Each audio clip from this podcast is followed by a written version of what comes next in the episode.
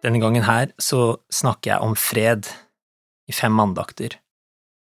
I dag så skal vi også fortsette å se litt eh, mer hva fred innebærer, og prøve å konkludere. I dag skal jeg snakke om fredsfyrsten. Jeg vet ikke om du er gammel nok er til å huske bilder, eller om du har studert historie tilbake til 8. mai 1945.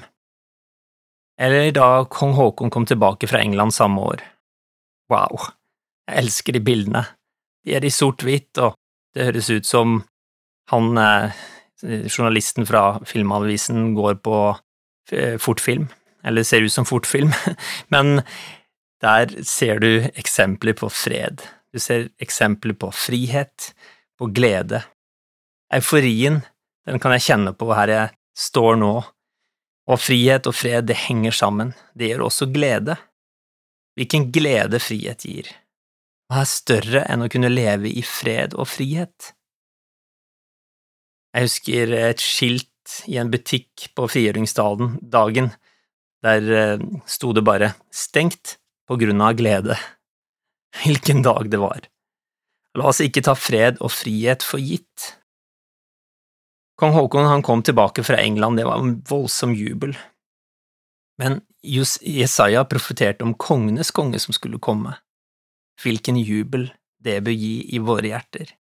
I Jesaja kapittel 9 så står det det folket som vandrer i mørket, de ser et stort lys. Over dem som bor i dødsskyggens land, stråler lyset fram. Du lot dem juble høyt, og gjorde gleden stor. De gledet seg for ditt ansikt, som en gleder seg over kornhøsten som en jubler når krigsbyttet deles. For åket som tynget, stokken over skuldrene, og staven til slavedriverne har du brutt i stykker, som på Midians dag, ja, hver støvel som trampet, og hver kappe tilsølt med blod, skal brennes og bli til føde for ilden, for et barn er oss født. En sønn er oss gitt, herreveldet er lagt på hans skulder. Han har fått navnet Underfull rådgiver, veldig Gud, evig far, fredsfyrste. Så skal herreveldet være stort og freden uten ende. Jesaja kapittel 9, altså. Fred uten opphold, uten slutt, den endelige hvile i himmelen hvor det er fredsfyrsten som rår, hvilket håp, hvilken framtid vi har, vi som tror. Et sted uten krig og smerte, uten savn og sorg, uten helseplager og depresjon og ubetalte regninger og bil som ikke funker. Guds evige fredsrike. Kristus fikk navnet Fredsfyrste, et barn er oss født. Han skal ha navnet Fredsfyrste. Han skulle sette mennesket fri fra alle byrder og skape fred, midt i uro og konflikter. Ingen kan skape fred som Jesus Kristus. Vi kan forhandle oss til fred, men det blir aldri en varig fred uten Han, fredsfyrsten. Han kom for å opprette sitt rike med evig fred, med et fredsgrunnlag som ikke avhenger av deg, men hvor alt ligger på ham. Kristus bar alt for at vi skulle få fred skrev Jesaja videre. Kristus skaper fred mellom mennesker og bryter ned alle skiller og all fiendskap.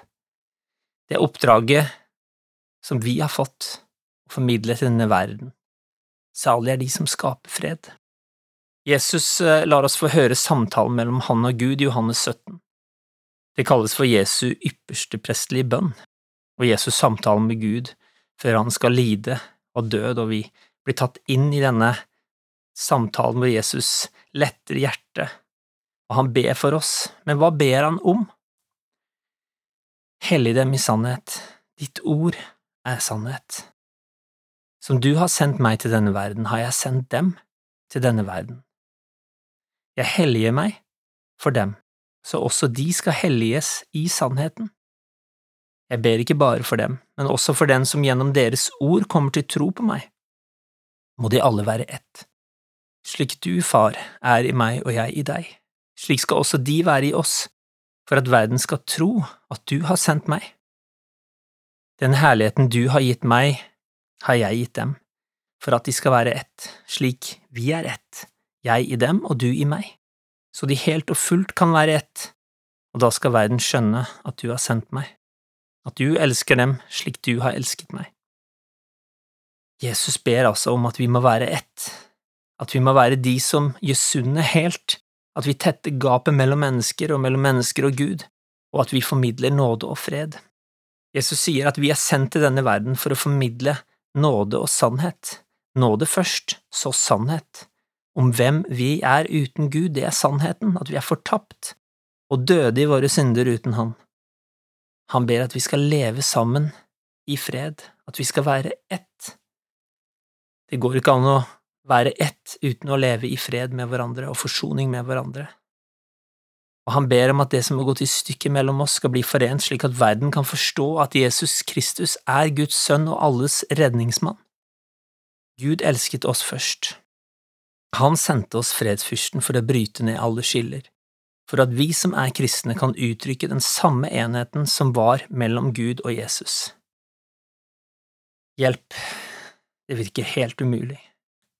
Hvis vi ser på kirkelandskapet i dag, så er vi milevis unna. Det er kun Den hellige ånd som kan gjøre dette, og virke i våre hjerter og føre oss sammen. Hjerter til omvendelse, hjerter til fred. Helt til slutt, har du invitert fredsfyrsten inn i ditt liv? Har du gitt ham ditt hjerte? Da har du mye lettere å møte mennesker med åpenhet, kjærlighet og fred. Hva menes med å ha fred i hjertet, egentlig? Hva betyr det å ha fred midt i livets stormer? Paulus ber om at Guds fred, som overgår all forstand, må bevare våre hjerter og tanker i Kristus Jesus. Fredens kvalitet, det handler om at den kan bevare, bevare oss for alle destruktive tanker, for alt negativ tankespinn, og bevare hjertet vårt fra alle negative holdninger mot mennesker og fra all tvil. Det er viktig å forstå at ikke dette går av seg selv. Nøkkelen ligger i verset før Paulus sin bønn, Vær ikke bekymret for noe, men la alle ting komme fram for Gud i påkallelse og bønn med takk. Her kommer det nærmest en befaling om å ikke være bekymret. Bekymringer er et tegn på at vi ikke stoler på Gud, og noen teologer definerer dem som en avgud, altså bekymringene. Det er en spennende og utfordrende forklaring. Fred, uansett omstendighet, for du kan legge alt på Gud. Mange tror at de kan finne fred gjennom yoga eller å finne seg selv, som det heter. Man leter og søker, men kommer ikke til å finne fred før en blir kjent med Han som er fredsfyrsten. Kristus ber oss ikke om å gjøre masse øvelser, leve asketisk eller følge ritualer. Hans invitasjon er til Han, til Han selv. Hans seier på korset gjorde det mulig å leve i en kontinuerlig fred, og ved ham ville Gud forsone alt med seg selv, det som er på jorden, det som er i himmelen, da han skapte fred ved hans blod på korset. Jesus inviterer oss til å leve i hans fred, til å oppleve den trygghet og ro som bare han kan gi. Han er vår fred, han som gjorde de to til ett. Jesus sier, Fred etterlater jeg dere. Min fred gir jeg dere, ikke den fred som verden gir. Ta imot hans fred. Amen. Peter Halltorp delte Guds ord med oss denne gang i serien Over en åpen bibel. Minner om vår forbundstelefon som er åpen på fredager mellom 9 og 11.30. Du kan ringe oss på 38 14 50 20, 38 14 50 20, eller sende oss en e-post. Bruk adressen postalfakrøll.norea.no. Norea vil be over ditt emne fredag ettermiddag og mandags morgen. Alle henvendelser behandles konfidensielt.